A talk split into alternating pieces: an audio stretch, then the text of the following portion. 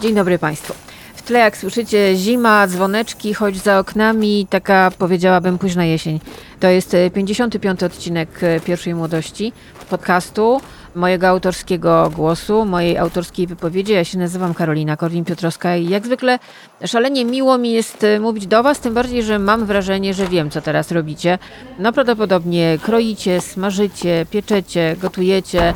Czego by nie mówić o świętach, to jest taki magiczny moment, myślę, że dwa razy do roku w polskiej tradycji, na- Boże Narodzenie i na Wielkanoc, no kiedy się wszyscy jakoś tak zbierają, prawda? Tak jest ta słynna mm, półka w lodówce, nie dotykaj to na święta, e, robimy pewne rzeczy na święta, ja na przykład sprzątnęłam takie szafki, co uwaga, 10 lat ich nie sprzątałam. Serio, od pożaru. Jak mi się e, spaliło mieszkanie i tam wrzuciłam jakieś rzeczy w pudełko i te, te pudła tam stały, dwa dokładnie, takie pudło skrzynki, ja ich 10 lat nie ruszałam. I parę dni temu zrobiłam takie, powiedziałabym, totalne feng shui na święta. Powiem wam, niesamowite uczucie, ale też no, się gotuje, prawda? Obiera się, sprawdza się przepisy, czy aby na pewno. Mi na przykład z głowy wyleciała część przepisu na mój ulubiony gnieciuch, który jest zamówiony na Wigilię przez moich przyjaciół, ale odnalazłam. Więc to jest naprawdę niezwykły czas i domyślam się, że właśnie jak teraz em, premierowo, zakładam o godzinie 18 w piątek włączacie kolejny odcinek Pierwszej Młodości, to macie ręce w mące, w pomarańczach, w rodzynkach, w różnych fajnych rzeczach, może w maku. To jest taki czas w roku absolutnie fantastyczny. E, Przypomnę, że podcast Pierwsza Młodość powstaje dzięki Patronite. Patroni od progu 25 co tydzień mają bardzo fajny newsletter. Też prezentowniki były. Radzę Wam sprawdzać skrzynki. Tego się dużo ostatnio ode mnie e, pojawiło. Przypomnę także, że na antenie e, są już dwa odcinki mojego podcastu Miesiączka, który ukazuje się, jak sama nazwa wskazuje, co miesiąc, równiutko. No i w tym ostatnim między innymi, no właśnie a propos tego gotowania, e, takim hitem e, miesiączki jest to, co robi tam Fiolka Najdenowicz. Mam nadzieję, że też pieczecie jakąś rybkę na przykład, bo rybka wymyślona przez, e, znaczy nie do końca wymyślona, ale przepis zacytowany przez Fiolkę, to jest hit ostatniej miesiączki. Gotujecie pewnie, prawda? Ja uwielbiam ten moment. Zresztą na rozgrzewkę. Szwedzki kucharz. Ye vor for skier bear for mm, work work work skier. Yes, gevorst is hoor de koek en teken. Is weer de hoor de griep. Is kuur de voor misschien is kuur behuur. Is geweer voor. Voor meer skier geborn. Skier geborn. Ben skier hoor, je stier. Hoor. Stibbel. Skier, skier, skier, skier. I tak jak obiecałam, proszę Państwa, ten odcinek pierwszej młodości to będzie najlepszy program na święta. Wybrałam takie rzeczy, które mogą Wam po prostu się pomóc wyluzować na te święta i trochę może pomyśleć, trochę się zastanowić, poleżeć po prostu plackiem i nie robić nic. Zważywszy na to, że jak mówiłam w podcaście Miesiączka, jesteśmy najbardziej straumatyzowanym narodem na świecie, nic dziwnego, mamy nieprzerobione przeróżne traumy, jesteśmy bardzo zmęczeni, E, oby te święta były już spokojniejsze, normalniejsze i żeby było mniej podziałów wśród nas. I dlatego taki specjalny program na święta Wam tutaj przygotowałam. Często mnie pytacie, Pani Karolino, ale co obejrzeć w święta? No to proszę bardzo, włączacie ten podcast i zaczynamy. Czy wiecie, kim była Donial Luna? Myślę, że nie wiecie. Posłuchajcie. My complete name is Peggy Anna Danielle Zazia Luna Freeman. What sort of racial mixture do all those names come from? It's like a melting pot of, say, different nationalities, different people, everything. Daniel Luna was like something ethereal. If she walked into this room, the whole place would just float. I think some people thought that she was from another planet. She did not look like any human being I had ever seen or met. They always said to her, Where are you from? And she'd always say, My name is Luna. I'm from the moon. When I saw her, I just realized what great potential she had as a model. I said, if you're ever in New York, give me a call. He knew something that I didn't know. Tak naprawdę nazywała się Peggy Ann Freeman i urodziła się 31 sierpnia 1945 roku, a zmarła 17 maja 1979 roku. I to była pierwsza ciemnoskóra modelka, która znalazła się na okładce brytyjskiego Woga i pierwsza supermodelka ciemnoskóra w Stanach Zjednoczonych. Dziewczyna, która urodziła się w zwykłej rodzinie w Detroit, w Michigan, tak naprawdę nazywała się Peggy Ann Freeman. Miała dwie siostry, urodziła się w bardzo przemocowym domu, z którego uciekła. Była dziewczyną, która od początku, odkąd tylko praktycznie odrosła trochę od ziemi, wzbudzała ogromne zainteresowanie swoim wyglądem, ale niekoniecznie w pozytywnym znaczeniu tego słowa. W czasach, kiedy ona dorastała, smukłe, wręcz chude, ciemnoskóre dziewczynki o bardzo dużych oczach nie były uznawane za ideały piękna. Wtedy królowały blondynki albo brunetki. Blondynki w typie Marilyn Monroe albo brunetki w typie Elizabeth Taylor. Tak naprawdę nie było nic pośrodku. To były dość brutalne czasy dla wszystkich kobiet o innym niż jasny kolorze skóry. A tutaj nagle mamy mm, dziewczynkę, która sobie wymarzyła, że chce być sławna, chce być modelką, wymyśliła sobie pseudonim Donial Luna. No i jak wymyśliła, tak zrobiła. Nie chcę wam całego tego dokumentu opowiadać, bo ja na niego trafiłam zupełnie przypadkiem. To jest czasami tak, że ja bardzo często jak wchodzę sobie na jakieś platformy streamingowe, a mam to wszystko w jednej aplikacji, jak wam mówiłam, na Apple TV w telewizorze, no to zawsze sobie wchodzę w filmy dokumentalne, bo tego się naprawdę dużo ciekawego, du- dużo się dzieje ostatnio. Bardzo ciekawe są, uwielbiam oglądać dokumenty. I nagle patrzę, proszę bardzo, Doniel Luna. I to jest rzeczywiście niesamowita opowieść, bo to nie jest tylko opowieść o dziewczynie, która dla wielu była bardzo brzydka, aczkolwiek jak teraz po latach ludzie, którzy ją znali, jej rodzina mówią, że ona rzeczywiście jak wchodziła do jakiegoś pomieszczenia, to wszystko po prostu zamierało. Że ona była bardzo wysoka, że miała taki charakterystyczny koci chód, chodziła trochę jak pantera, tak charakterystyczny sposób kołysała biodrami. Miała niewiarygodnie duże, bardzo wyraziste oczy i miała naprawdę obłędnie piękną twarz. Znaczy, ten dokument y, nie szczędzi nam jej zdjęć, filmów z jej udziałem, fragmentów wywiadów, bo rzeczywiście to było, przepraszam, że tak mówię, ale niesłychane zjawisko. Nie tylko estetyczne, ale w ogóle także artystyczne w ogóle, bo to była dziewczyna, kobieta potem, która cały czas szła swoją drogą i cały czas szukała swojego miejsca, a pamiętajmy, robiła to w latach 60., gdzie rasizm no, miał się doskonale i ten rasizm miał się doskonale przede wszystkim w Stanach Zjednoczonych. Tam jest taki motyw tego, że ona po tym, jak zaczęła być bardzo znana w Stanach Zjednoczonych i na przykład Richard Avedon, czyli taki fotograf, którego ja notabene uwielbiam i który też przyczynił się do kariery wielu ciemnoskórych i w ogóle modelek różnych ras. No bo on był artystą, on po prostu widział piękno i nie zastanawiał się, jaki ma kolor skóry.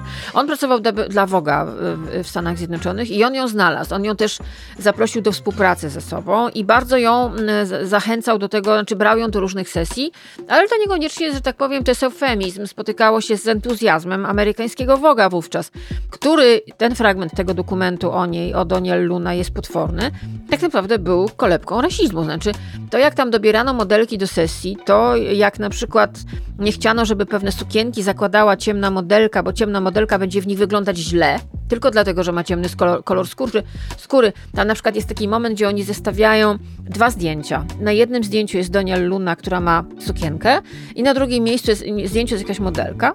I to pierwsze zdjęcie zostało odrzucone przez Woga i kazano je założyć tę sukienkę jasnoskórej, mo- modelce o jasnej skórze.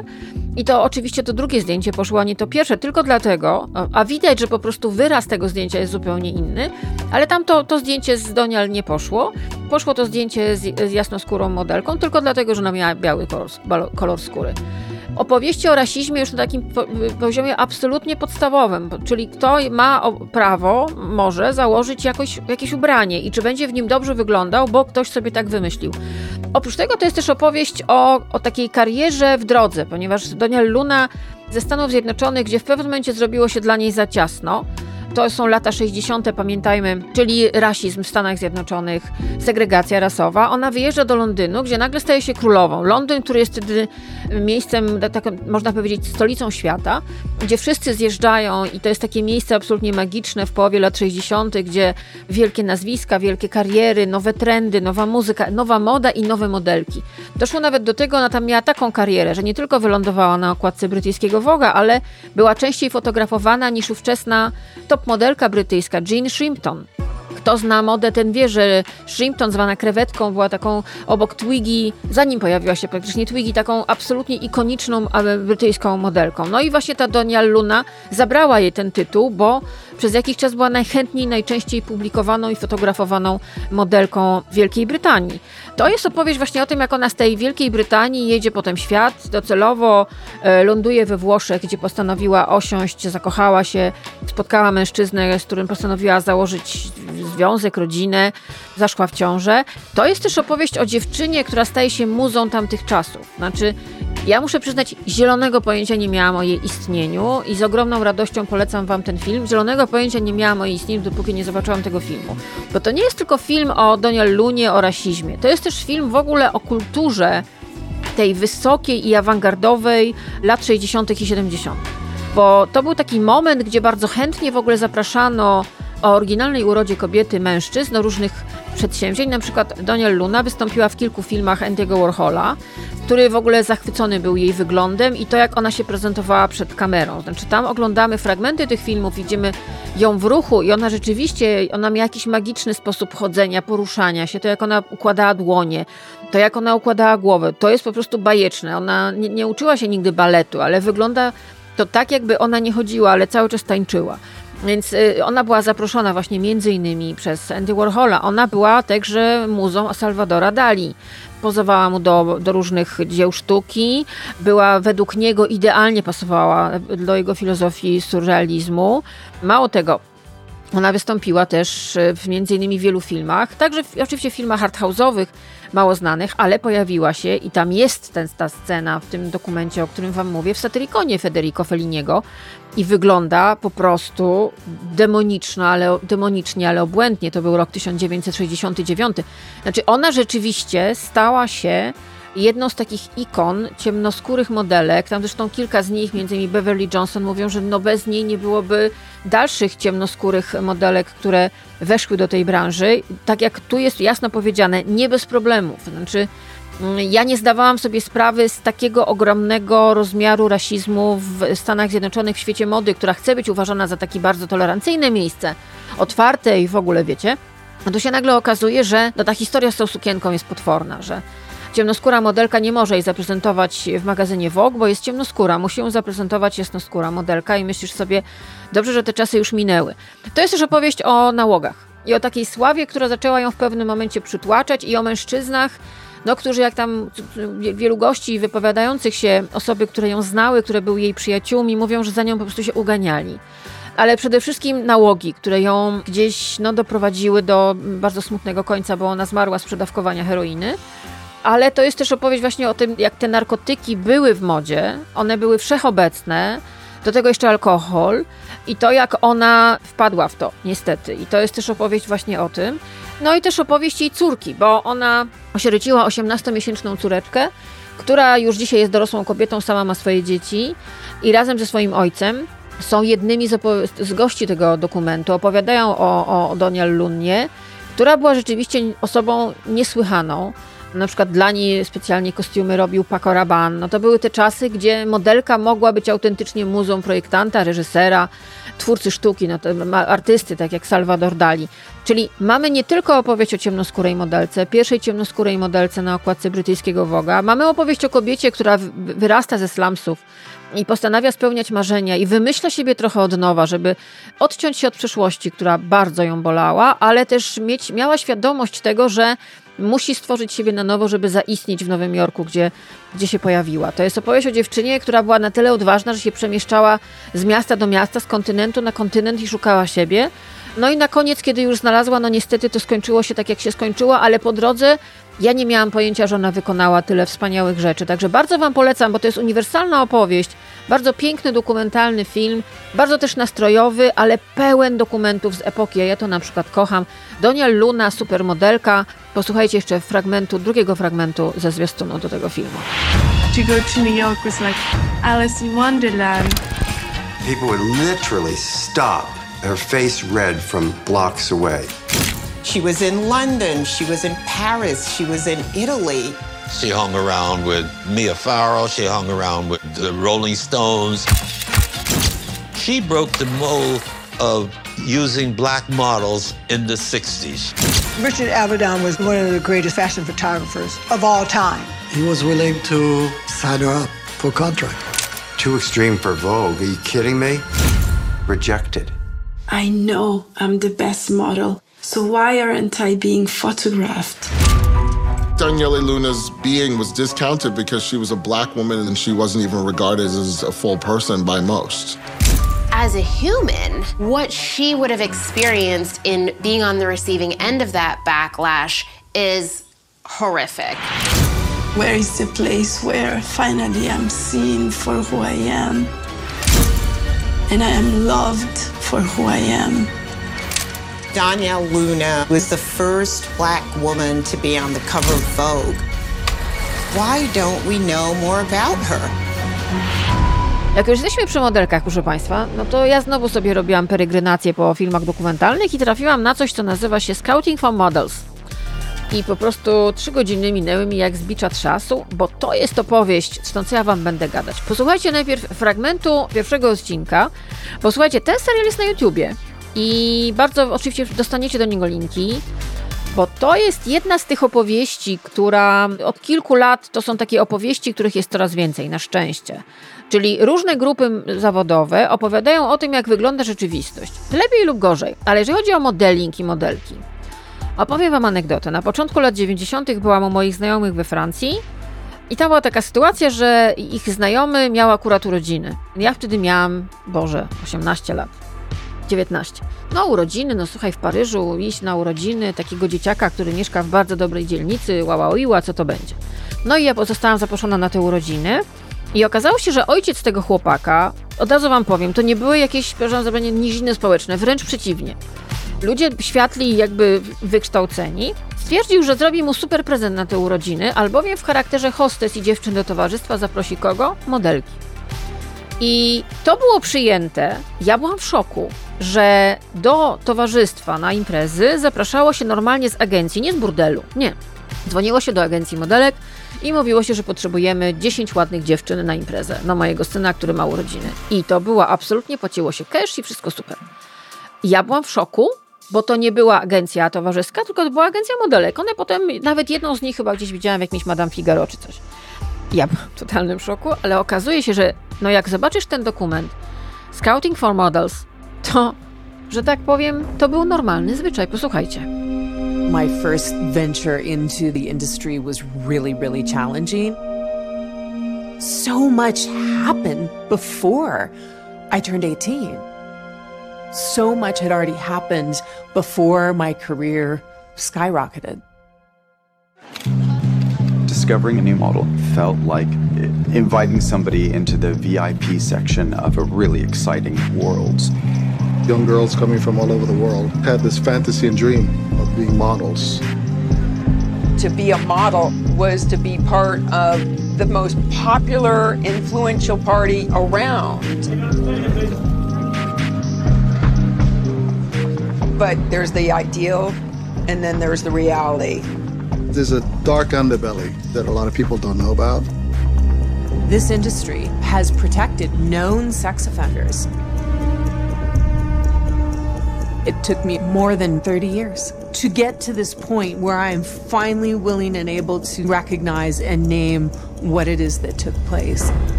I was 15 and he was 42. It was predatory behavior. If you didn't play along with his sexual fantasies, he'd make sure you don't work anymore. These men were perfecting a system that had been developed over the course of decades. It's an abuse of power, and people who worked in the agencies were turning a blind eye to it. We have been groomed, we have been conditioned.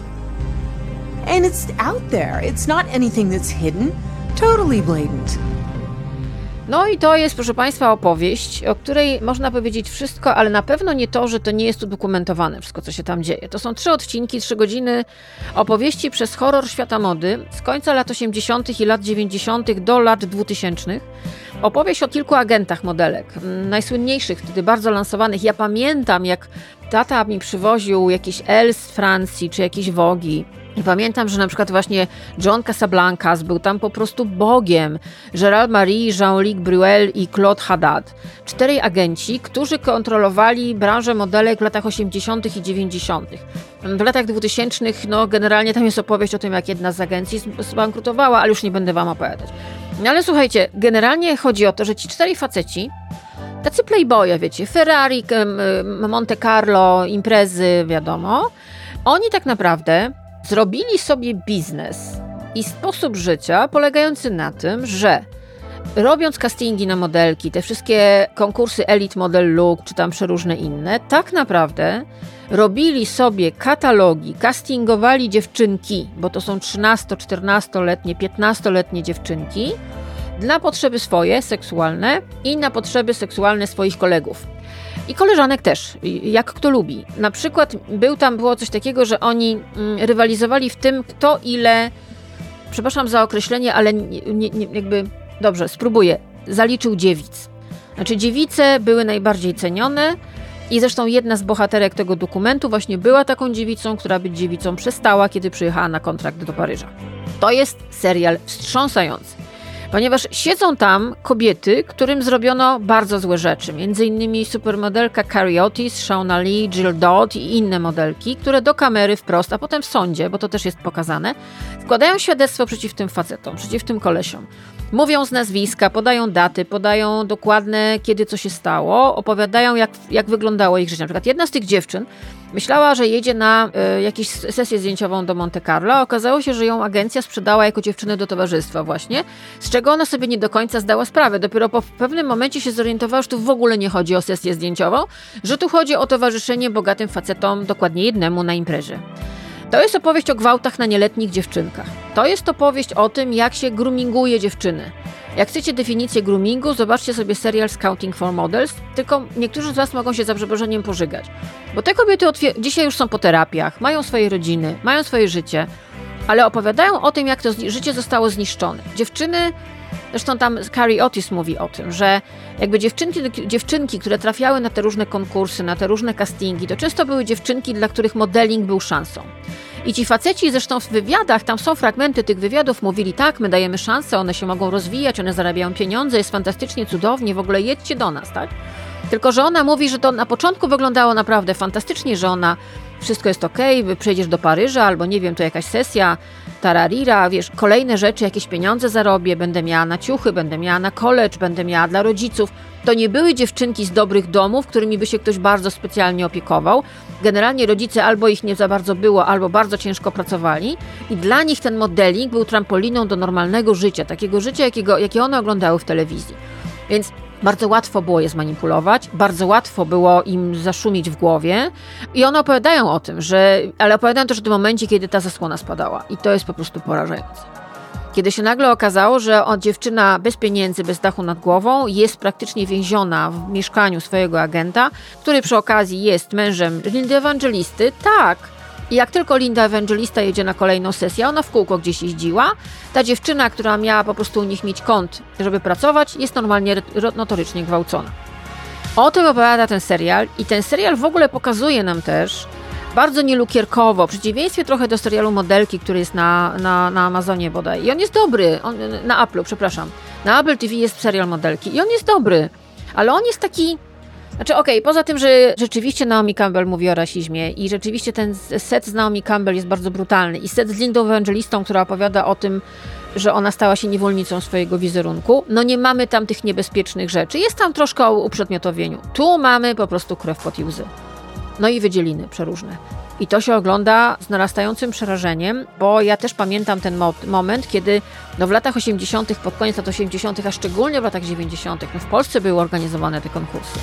Dziewczyny strasznie na nie waliły drzwiami i oknami, bo to też była szansa. Ja miałam koleżankę, która poszła na taki konkurs, na szczęście się nie dostała. Ale wiecie, okazuje się, że w tym wszystkim poza modą, poza tym, że oczywiście każda musiała schudnąć, tam jest opowieść też o oczywiście zaburzeniach odżywiania, o depresji, no to jest też to, że ta dziewczyna, na której chciano za wszelką cenę zarobić, traktowana była jak po prostu prostytutka i wysyłała, przedstawiano je bogatym mężczyznom, bo to się od tego zaczynało. To są te imprezy dla bogatych facetów, na które zaproszone są modelki. I te modelki tam mają tak zrobić tak zwany networking, to się dzisiaj nazywa, a wtedy to po prostu się nazywało, że panowie wybierali. Niektóre dziewczyny nawet nie wiedziały, ale były wybrane z katalogu agencji przez konkretnych kolesi. Jak to się nazywa? No burdel. To się nazywało w latach 90. agencje modelingowe. Tam też jest opowieść o tym, jak to upadło, ten cały system. Ma to dzisiaj wyglądać inaczej, chcę w to wierzyć, ale mówiłam wam o tych modelkach z Afryki, z obozów dla uchodźców kilka podcastów temu, gdzie też brytyjskie media wykryły te, ten skandal, tak, że dziewczyny czy chłopcy byli brani do Paryża głównie na pokazy mody, albo nawet nie, i potem wracali do siebie do obozu uchodźców i okazało się, że dostawali jeszcze do zapłacenia parę tysięcy euro. Tu mamy dokładnie podobny system, znaczy człowiek jest totalnie uprzedmiotowiony, on ma zrobić swoje i ma wypadać. Żeby nie powiedzieć mocniej, traktują go po prostu jak jakieś pudło. I te kobiety dzisiaj dorosłe, które mają swoje rodziny, swoje kariery, mówią wprost do kamery, wielki, wielki szacunek dla, za odwagę i za, za mądrość, idą z tym do sądu. No okazuje się, że y, tak naprawdę ci mężczyźni, którzy gwałcili kobiety, sprzedawali je, handlowali nimi jak mięsem. Także do Jeffrey'a Epsteina, tam też on się oczywiście pojawia, tak jak we wszystkich tego typu skandalach e, seksualnych z lat 90. No tak naprawdę część z nich nie żyje, Gerard Marie jako jedyny z całej czwórki żyje i kategorycznie zaprzecza wszelkim zarzutom. No też panowie siebie nawzajem kryją, tam jest też opowieść o tym, jak oni unikali odpowiedzialności, jak media ich lansowały.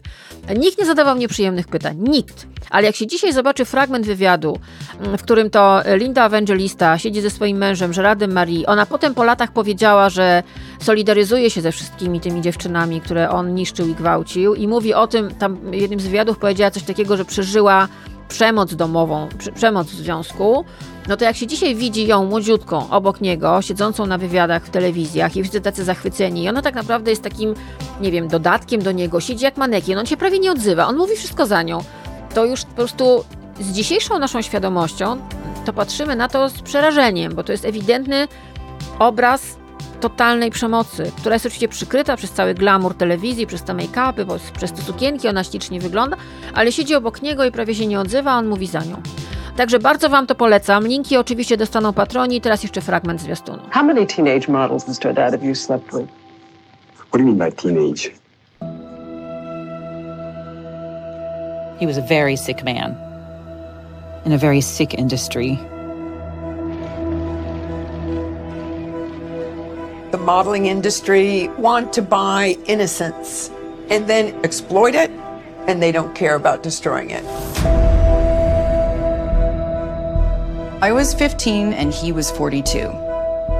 Next thing I knew, he was pressed down on top of me. I was a virgin at the time. They gave each other points for the models that they slept with, and virgins got higher points. These men were perfecting a system that had been developed over the course of decades. The agency was manipulating me. I was being groomed for rape and being sold as party favors. Teraz przejdźmy sobie do filmów fabularnych i tak sobie pomyślałam, jak ja bym mogła spędzić całe święta przed telewizorem albo przed komputerem i tak pewnie też zrobię, ale nie do końca. To jaki film bym na pewno chciała obejrzeć? I pomyślałam sobie, że sobie trochę odkopię. Słuchajcie, pamiętacie film Boska Florence? pamiętacie film o najgorszej śpiewaczce operowej na świecie, która bardzo kocha muzykę i przede wszystkim kocha tę muzykę. No, że nie umie śpiewać, posłuchajcie sami. Music is my life. Can you imagine what that must feel like? To hold 3,000 people in the cup of your hand. Mm. I would like to take some more lessons. What about a pianist? Yes, I shall need someone. Someone with passion. Cosme McMoon? That's me, sir. Now, I must warn you, I work very hard. I study an hour every day. Sometimes two. She's remarkable, isn't she? She can't be a little flat. Flat? Just a tad.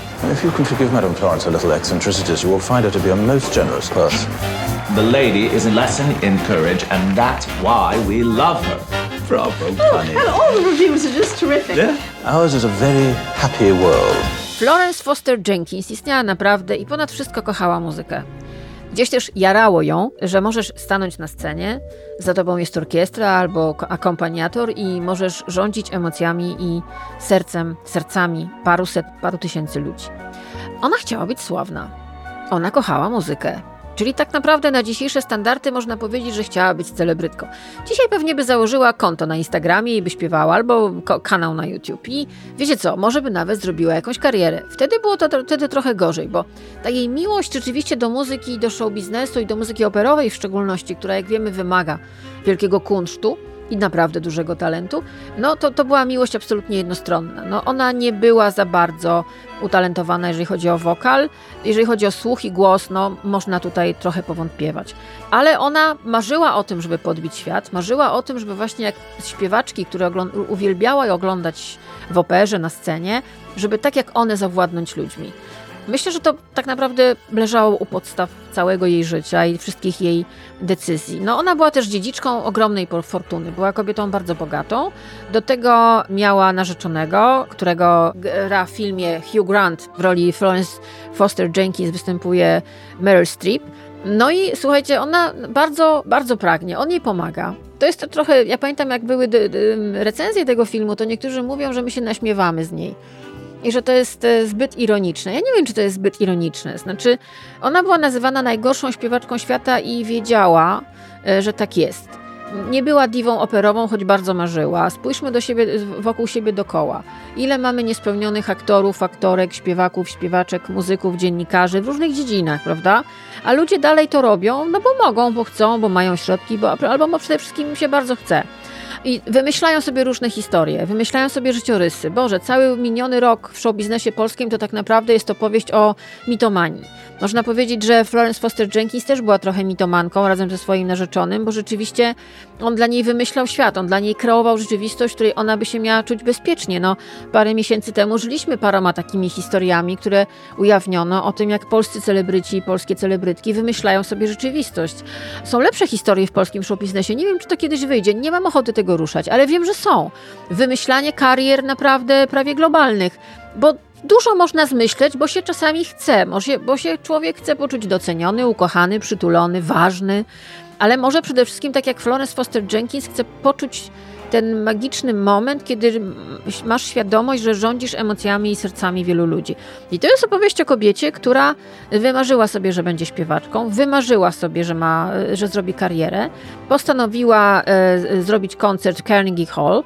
To jest też opowieść o miłości owego Bayfielda do Florence Foster Jenkins. Wspaniały jest to duet e, Hugh Grant, Meryl Streep, bo on, on ją kocha. On ją kocha i on z miłości dla niej robi różne dziwne, absurdalne czasem rzeczy. Może go to życie czasem męczy, ale ją kocha dalej. Dla mnie to jest opowieść o miłości, też o miłości do muzyki, bo ona tę muzykę naprawdę bardzo kocha. To nie jest tak, że ona sobie wymyśliła, w tym tygodniu będę śpiewać. Nie. Ona zawsze marzyła śpiewać i stwierdziła, dobra, no to jak nie teraz, to kiedy? Jest to jakiś też film o odwadze. Dla mnie bardzo ciekawy, bardzo momentami historycznie śmieszny, ale też jest to fantastyczna w ogóle komedia, w której pod y, taką powierzchniową warstwą komedii przemycono bardzo dużo prawdy o ludziach, o nas samych, o naszych marzeniach, o naszych aspiracjach. Małe dziewczynki chcą być aktorkami, księżniczkami, chłopcy chcą być strażakami, chcą być żołnierzami albo, nie wiem, youtuberami. Nie wszyscy z nich spełnią swoje marzenia, ale to nie znaczy, że nie warto próbować. We could have been a family. We are a family. Are we not happy? This is my favorite place in the whole world. And I'm going to sing here. I think this might be too much for you. If you truly love me, you'll let me sing. I cannot play Carnegie Hall with Madame Florence. You know she will not survive the evening without us. Will you play with your friend? Oh boy, we're gonna die out there. Those men, they've seen horrors. They need joy. They need music. But I'm afraid. Don't, don't be. They're going to love you. It's going very, very, very well. This is what we live for, isn't it? This moment.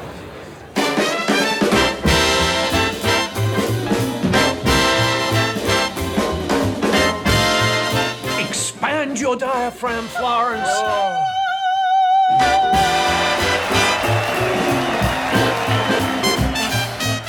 Do I try another take? Well, I don't see why. That seemed perfect to me. No i jeszcze jeden film, który mi się bardzo w ogóle kojarzy ze świętami. Próbowałam policzyć, ile razy ja go widziałam. Wydaje mi się, że z jakieś 16-17. Kiedy ten film zobaczyłam w kinie, to był rok 1994, wiedziałam, że będzie jednym z moich ukochanych.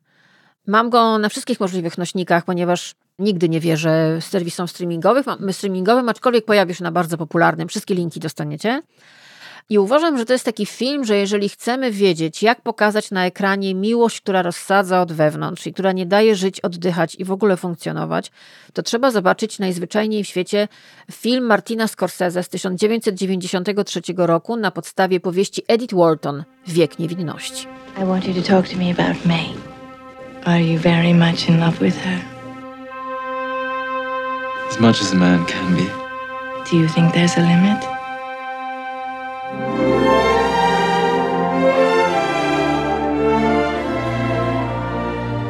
In a time of tradition, in a place of privilege, Newland Archer lived his life by the rules of his society. I want everybody to know What? that we're engaged. Until he met a woman who lived by her own rules. I think they're all a little angry with me for setting up for myself. I hear she means to get a divorce. She made an awful marriage, but that doesn't make her an outcast. I came to see what you were running away from. All I really want is to feel cared for and safe. Is there someone else? We should remember marriage is marriage, and Ellen is still a wife. When can I see you? I can't be your wife, Newland. Is it your idea I should live with you as your mistress? You gave me my first glimpse of a real life.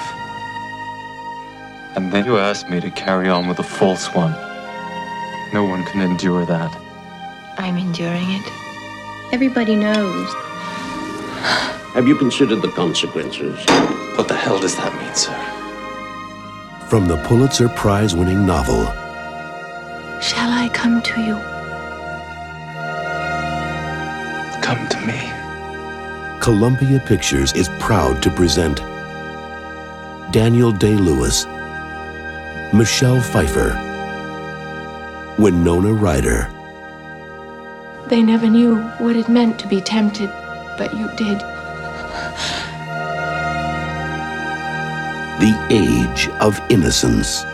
The Martin Scorsese Picture. Akcja tego filmu toczy się w Nowym Jorku w latach 70. XIX wieku. No i to jest opowieść o takich bardzo wysokich sferach z tego czasu z Nowego Jorku, o sferach arystokratycznych, powiedzielibyśmy, tych ludzi, którzy byli ojcami założycielami no, Stanów Zjednoczonych ich potomków.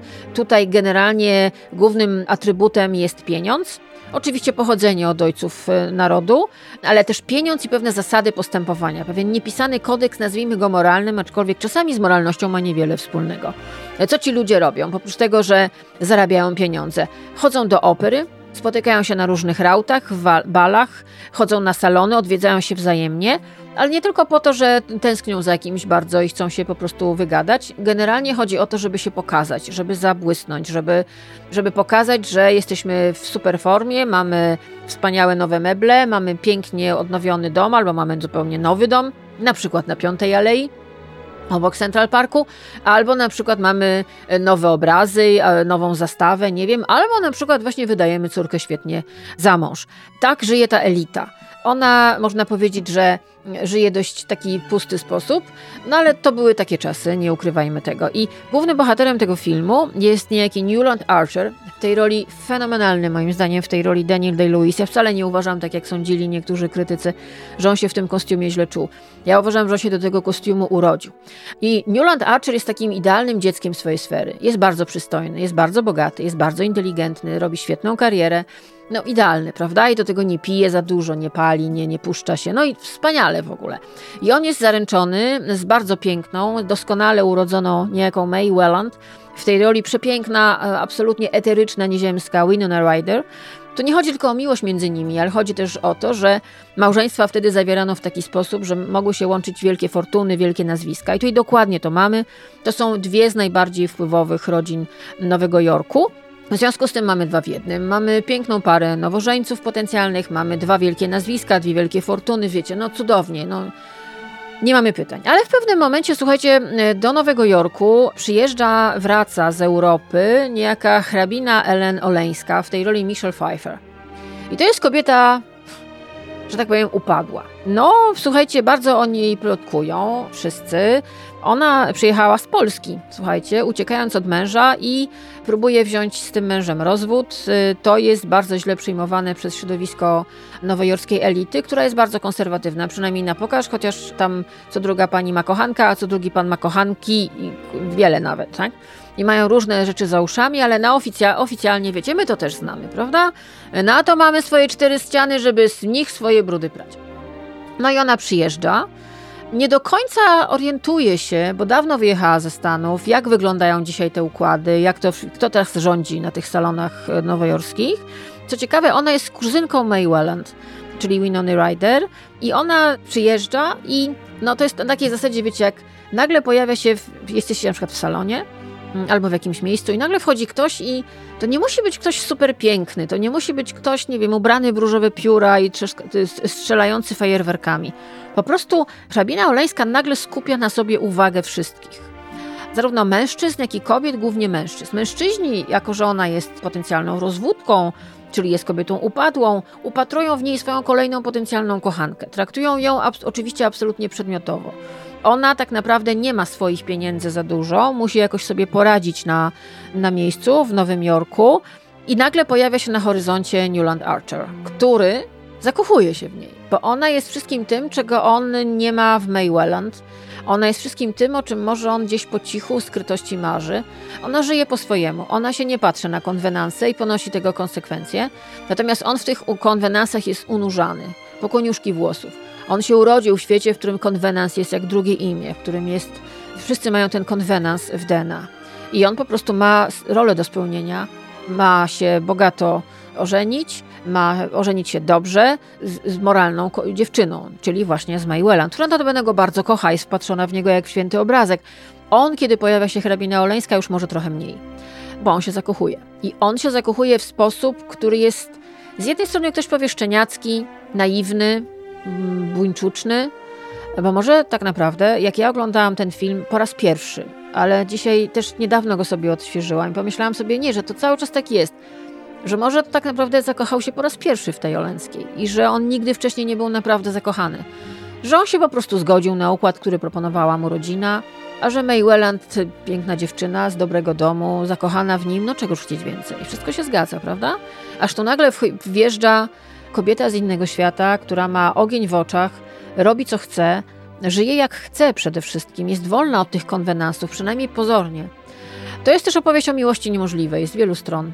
I to jest opowieść o tym, że można zrobić scenę erotyczną na, na, w powozie, w której tej erotyki prawie nie ma. To jest taka scena, dla mnie scena absolutnie wybitna. Jeżeli bym miała robić swoje top 10 najbardziej erotycznych scen w dziejach kina, to ta jest dla mnie absolutnie top 3. Oni wsiadają do powozu, do karety. I jadą. Oleńska e, z Newlandem. I jadą po prostu i w pewnym momencie on zdejmuje rękawiczkę i kładzie ręka, dłoń bez rękawiczki na jej dłoni, zaczyna odpinać jej rękawiczkę i potem całuje ją w nadgarstek. To jest jedna z piękniejszych erotycznych scen w dziejach kina, która zawsze rozrywa mi serce, ponieważ oni sobie na więcej nie mogą i nigdy nie będą mogli pozwolić. Nawet my się nie zastanawiamy, czy oni kiedyś pozwolili sobie na więcej niż pocałunek. Chyba jednak nie. No bo nie mogli, bo nie wypadało, a jednak serce rozrywa się za każdym razem, kiedy oglądam ten film. Posłuchajcie i wyobraźcie sobie, oni są na tylnym siedzeniu powozu, on siada obok niej i jadą, i w pewnym momencie on zdejmuje jej tę rękawiczkę. Mogą się pocałować, ale potem muszą przestać całować. A to fragment filmu Wiek Niewinności Martina Scorsese, to jest rok 1993, a na ekranie oglądamy Daniela Day-Lewisa i Michelle Pfeiffer. Posłuchajcie i wyobraźcie to sobie. You know, I hardly remembered you. Hardly remembered? I mean, I mean, each time is the same. It happened to me all over again. Yes, I know. But me too.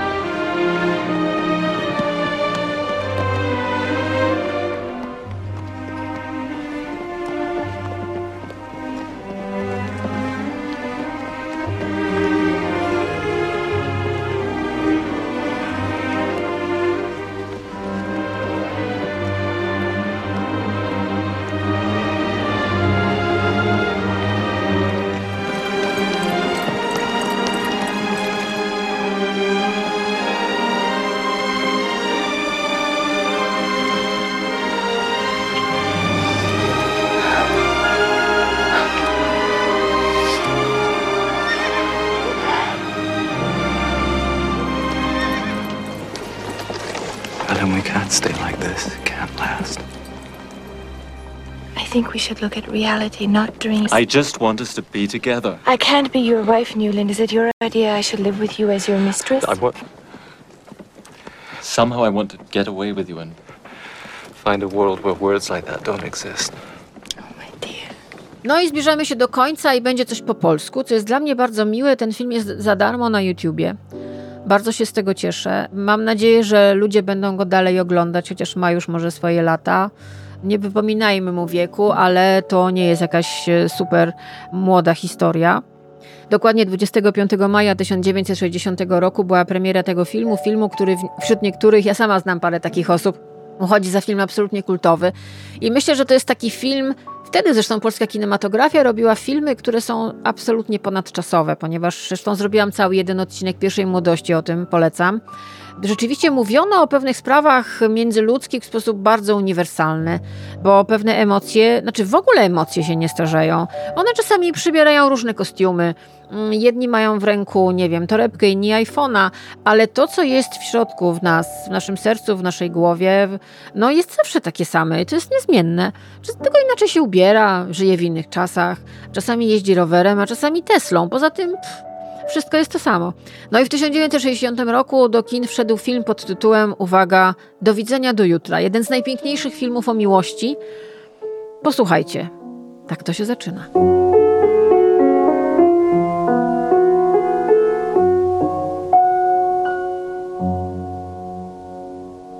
Cześć. Co słychać? Nic? Eee, bo mnie bardzo wiele. Ale nie wiem, czy warto to opowiadać. Co? No powiedz, że warto, przecież widzisz, że na to czeka. Dziękuję. Ty powinnaś to zrozumieć. Ciągle jesteś sama w pokoju. Nikt na ciebie nie patrzy. Nie potrzebujesz się wstydzić marzeń. Tego, co u ludzi dorosłych wywołuje ironiczny uśmiech. Czego, czego się złościsz? A, że ja filozofuję zamiast opowiadać. A więc... Dobrze. Widzisz, są takie chwile, kiedy człowiek chce być zupełnie sam. Stroni od ludzi nie dlatego, że ich nie lubi, a przeciwnie dlatego, że za bardzo jest do nich przywiązany. Długie patrzenie w wodę odkrywa wtedy dużo, dużo tajemnic. Zaczęło się to tak, jak zaczynają się tego rodzaju historie. Najzwykle w świecie. Ten piękny głos to był Zbigniew Cybulski, wtedy u szczytu swoich możliwości zawodowych, możliwości aktorskich. Jeden z większych polskich aktorów filmowych XX wieku. Polski James Dean o nim mówiono i rzeczywiście aktor, który zrewolucjonizował granie. Aktor niezwykły, ale też bardzo pokomplikowany. Patronom wyślę linki do jego różnych biografii, bo to postać niesłychanie skomplikowana. Też taki człowiek, który padł ofiarą komunizmu, ale też samego siebie, miał swoje demony, które nie dawały mu żyć i normalnie funkcjonować. Też padł ofiarą tego, że czas odbija się jakoś na twarzach i na ciałach ludzi, a w jego przypadku, kiedy to jeszcze było trochę podlane alkoholem, odbijał się jakby bardziej. I nie wiemy, jakby wyglądał koniec jego kariery. Możemy jedynie żałować filmów, których nie nakręci. Ale cofnijmy się do roku 1960. Polska ogląda po raz pierwszy film pod tytułem Do widzenia do jutra. To jest e, zresztą debiut reżyserski Janusza Morgensterna tło wydarzeń, o których opowiada ten film, to tak naprawdę są to prawdziwe wątki z życiorysu samego e, Cybulskiego, który był, przypomnę, współzałożycielem, aktorem i reżyserem teatru kabaretu studenckiego Bimbo. I to jest opowieść o mm, miłości studenta, biednego chłopaka do córki francuskiego konsula Marguerite, w tej roli Teresa Tuszyńska. Teresa Tuszyńska chyba nigdy potem nie będzie już tak piękna i tak bardzo zachwycająca. Tetetka, tak ją nazywano. Zresztą bardzo ciekawa biografia ukazała się jej niedawno. Trochę dzisiaj zapomniana, aczkolwiek w latach 60. absolutna ikona w ogóle mody, wyglądu. Dziewczyny chciały wyglądać tak jak ona. No nic dziwnego, kiedy ogląda się Do widzenia do jutra, ona do dziś robi oszałamiające wrażenie.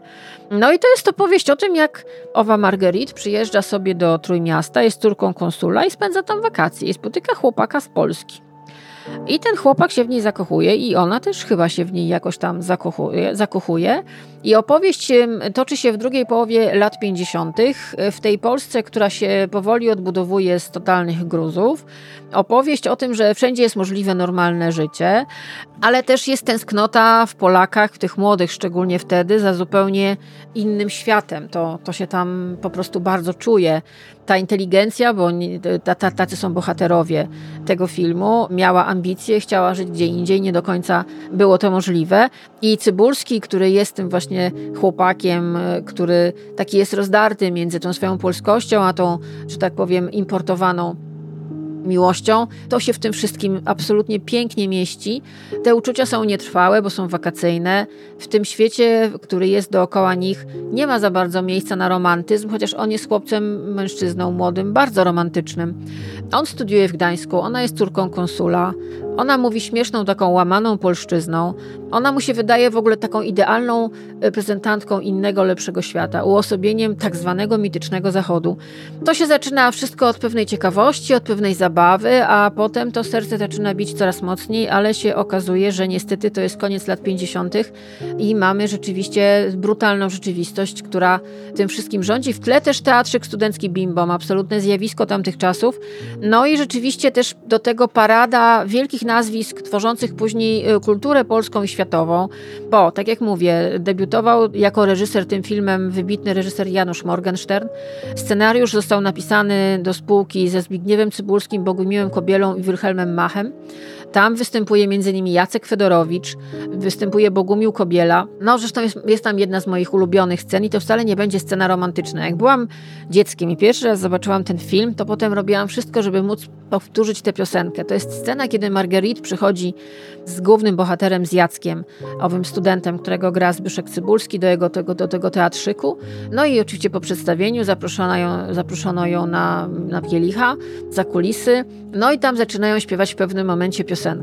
Ta scena, którą usłyszycie, to jest y, tak zwana no, pewna piosenka, którą śpiewają aktorzy twórcy tego teatru. Cybulski tłumaczy jej na francuski, ale generalnie tamten francuski nie, nie ma dla nikogo problemu. Rozmawiamy z ludźmi, dla których wręcz francuski mógł być prawie drugim językiem, ale ona jest to taka opowieść o tym, jak się te dwa światy zbijają. Zbijają się za kulisami pewnego studenckiego teatrzyku w Gdańsku, gdzie nagle pojawia się dziewczyna z zupełnie innego świata, innej bajki, jak się okazuje też trochę innej mentalności, a z drugiej strony mamy tą polską inteligencką młodzież, która sobie próbuje poradzić w świecie, który coraz bardziej zaciska im się na gardle. Posłuchajcie, to jest fragment y, filmu Do widzenia do jutra. Moim zdaniem jednego z najpiękniejszych w ogóle filmów o miłości nakręconych po polsku. Z tym niesamowitym Cybulskim, z fantastyczną Teresą Tuszyńską, z Jackiem Fedorowiczem, z Bogumiłem Kobielą, z Romanem Polańskim w bardzo fajnym epizodzie.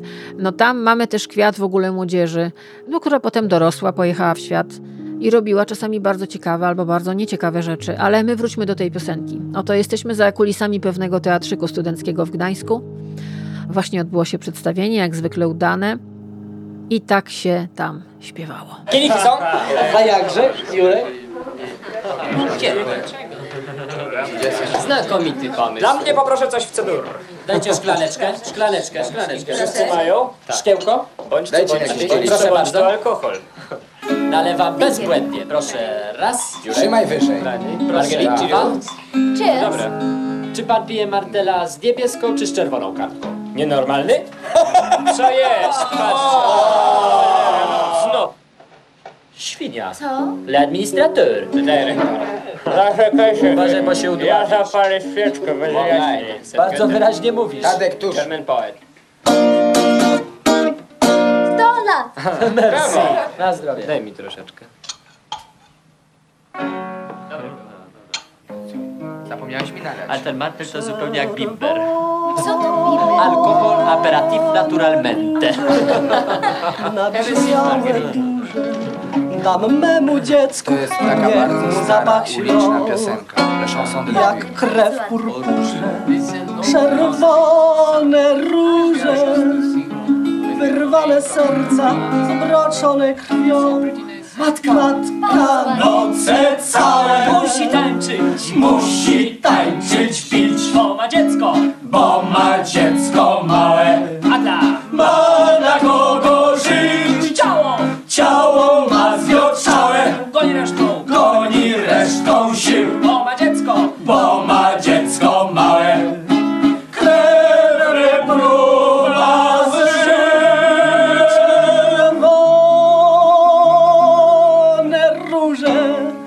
Nabrzmiałe duże Jak syn dorośli To, co słyszycie w tle, proszę Państwa, to jest Dziadek do Orzechów, proszę Państwa, Piotra Czajkowskiego. Muzyka ze słynnego baletu Dziadek do Orzechów, czyli walc kwiatów.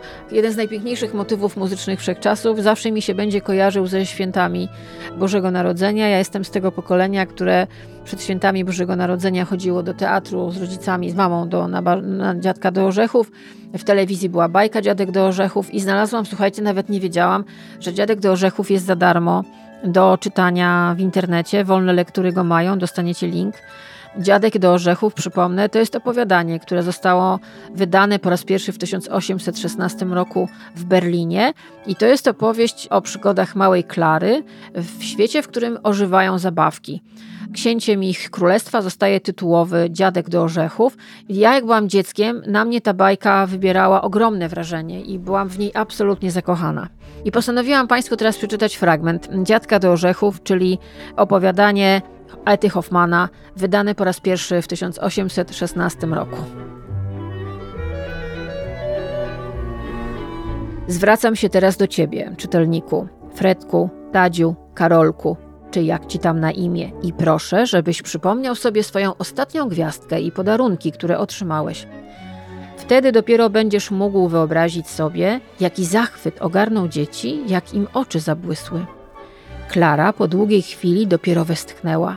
Ach, jakie to śliczne! A Fred zaczął skakać z radości. Dzieci były widocznie przez cały rok wyjątkowo grzeczne i posłuszne, bo nigdy przedtem nie dostały takich wspaniałości. Wielka choinka, stojąca pośrodku pokoju, obwieszona była mnóstwem złotych i srebrnych jabłek, a ze wszystkich gałązek zwisały na kształt pąków i kwiatów migdały z cukru, kolorowe cukierki i wiele innych słodyczy. Ale najbardziej zachwyciły dzieci niezliczone świeczki, które jak gwiazdki błyszczały pomiędzy igłami. Drzewko, rozsiewając blask dokoła, zapraszało wprost, by zrywać kwiaty i owoce. Naokoło drzewka wszystko jaśniało wspaniałymi barwami.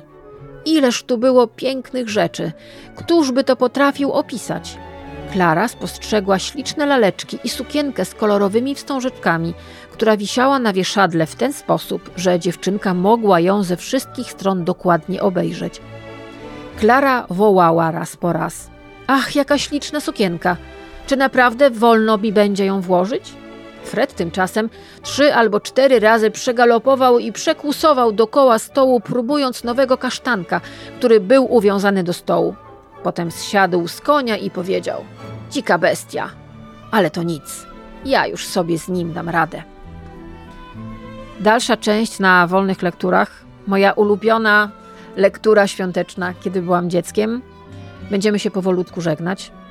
To był 55. odcinek mojego podcastu Pierwsza Młodość, który jest moim subiektywnym dowodem na to, że nigdy nie jest za późno i że warto być sobą i warto kończyć zdanie i warto o siebie zawalczyć. I ja Wam tego samego życzę, żebyście wiedzieli, że nigdy nie jest za późno bez względu na to, ile macie lat, że warto jest mieć marzenia, bo czasami one są jedyną siłą napędową naszego życia. Marzenia, nie pieniądze. Wiecie o tym. Pieniądze raz są, raz ich nie ma. Ale wiecie, tak naprawdę na koniec dnia liczy się to, czy masz się do kogo przytulić. Jeżeli masz, jesteś wygranym. Więc życzę Wam, żebyście się dzisiaj wieczorem do kogoś bardzo fajnie przytulili żebyście mieli dobre, spokojne, zdrowe, miłe święta, żebyście dostali jakieś prezenty, ale tak naprawdę najważniejszym, najpiękniejszym prezentem, jaki możecie mieć, to jest to, że usiądziecie z kimś na wigilię, zjecie coś fajnego, powygłupiacie się, pogadacie, posiedzicie po prostu, ponudzicie się czasem. My to robimy tak naprawdę dwa razy do roku. Dobrze, że chociaż dwa. Ja to się cieszę. W tym szalonym, zabieganym świecie i życzmy sobie, żebyśmy się spotykali tak co roku. Żebyśmy zawsze byli w tym samym składzie. Żebyśmy się po prostu co roku policzyli w ten sam sposób. To też jest ważne. Tym samym życzę Wam zdrowia, szczęścia, a reszta zrobi się sama. I na koniec. Fragment filmu White Christmas z 1954 roku, jedna z najpiękniejszych kolęd wszechczasów, czyli Rosemary Clooney, Bing Crosby, Vera Ellen i Danny Kaye. Dobrych świąt. Do usłyszenia.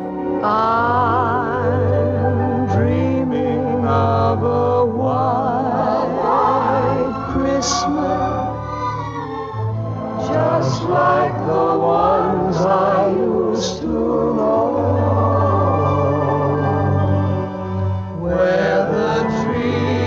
treetops glisten and children listen to hear sleigh bells in the snow.